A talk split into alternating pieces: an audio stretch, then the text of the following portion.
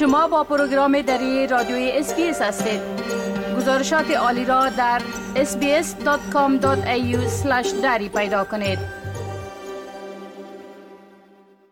و حال با همکارم آقای جاوید روستاپور خبرنگار برنامه دری بر جنوب آسیا صحبت می کنم که ایشان در مورد موضوعات عمده در رابطه به افغانستان صحبت می کنند.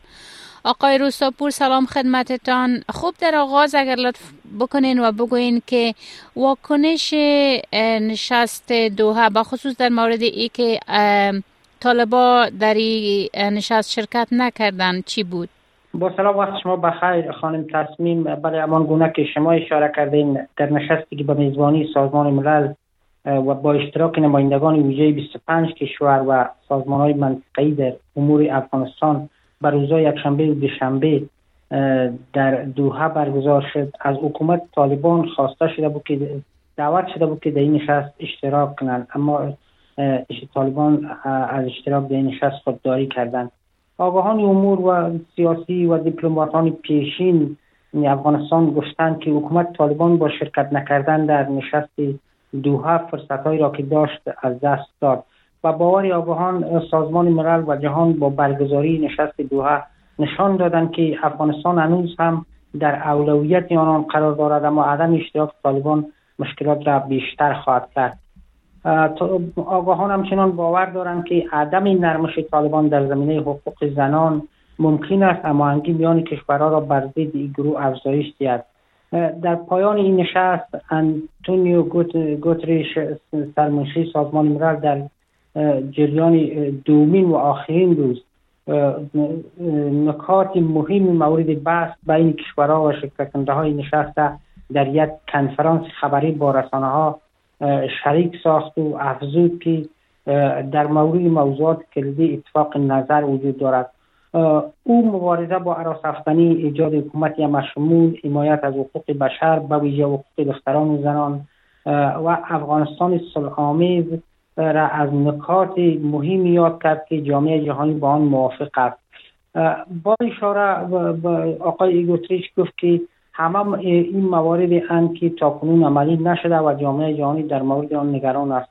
او همچنان افزود که طالبان فکر می‌کنند که رسیدگی به نگرانی های جهان مسئولیت آنها نیست و از جهان هم انتظار دارند تا آنها را بر رسمیت بشناسد.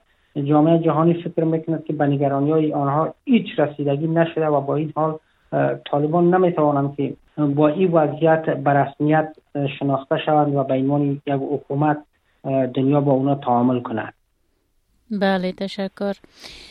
آقای روستاپور گزارشات در دست است که گفته شده طالبا در قندهار عکس برداری و فیلم برداری را منع کردن هدف طالبا از این دستور چی است؟ بله ملاشدین والی طالبان در قندهار در نامه به همه ادارات نظامی و غیر نظامی دستور داده که از گرفتن عکس و فیلم از موجودات زنده در نشست های رسمی و غیر رسمی و همچنان کنفرانس های خبری خودداری کنند. این مقام نزدیک به ملا الله رهبر طالبان ضمن تاکید بر ارائه گزارش ها به صورت نوشتاری و صوتی ضررهای تصویربرداری و عکاسی را بیشتر از فایده هایش دانسته. اما مرکز خبرنگاران افغانستان دستور والی طالبان در قندهار را غیر قانونی و عقبگرد جدی برای آزادی بیان خوانده.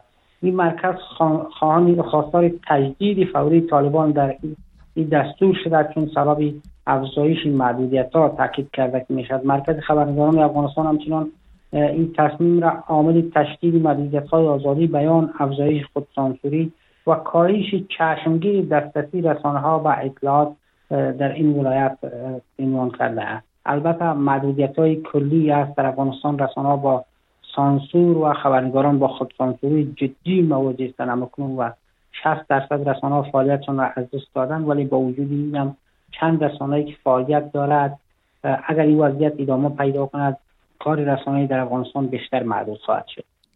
بله تشکر. خوب جبهه آزادی در افغانستان از یک حمله به پاسگاه طالبا خبر داده. آیا این حمله تلفات در قبال داشت؟ در کجا بود و گزارشات بیشتر در این مورد چی است؟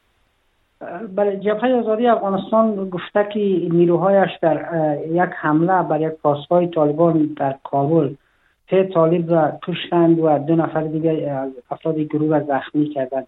این جبهه با نشر اعلامیه که در صفحه اکس خود نشر کرده گفته که این حمله شام روز دوشنبه در سرک اول منطقه کارتای نو در نایه اشتم شهر کابل انجام شده.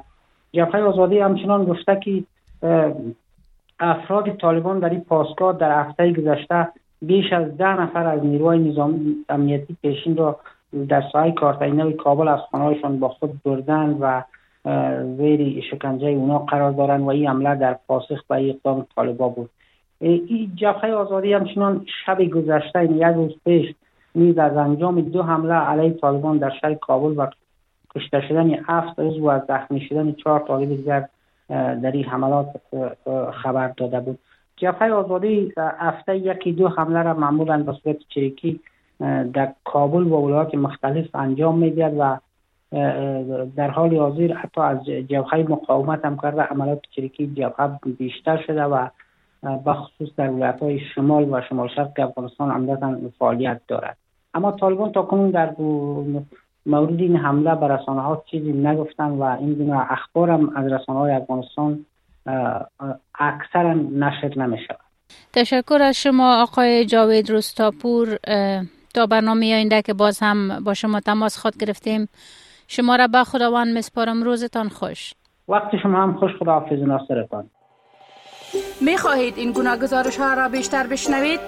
با این گزارشات از طریق اپل پادکاست، گوگل پادکاست، Spotify و یا هر جایی که پادکاستتان را می گیرید گوش دهید.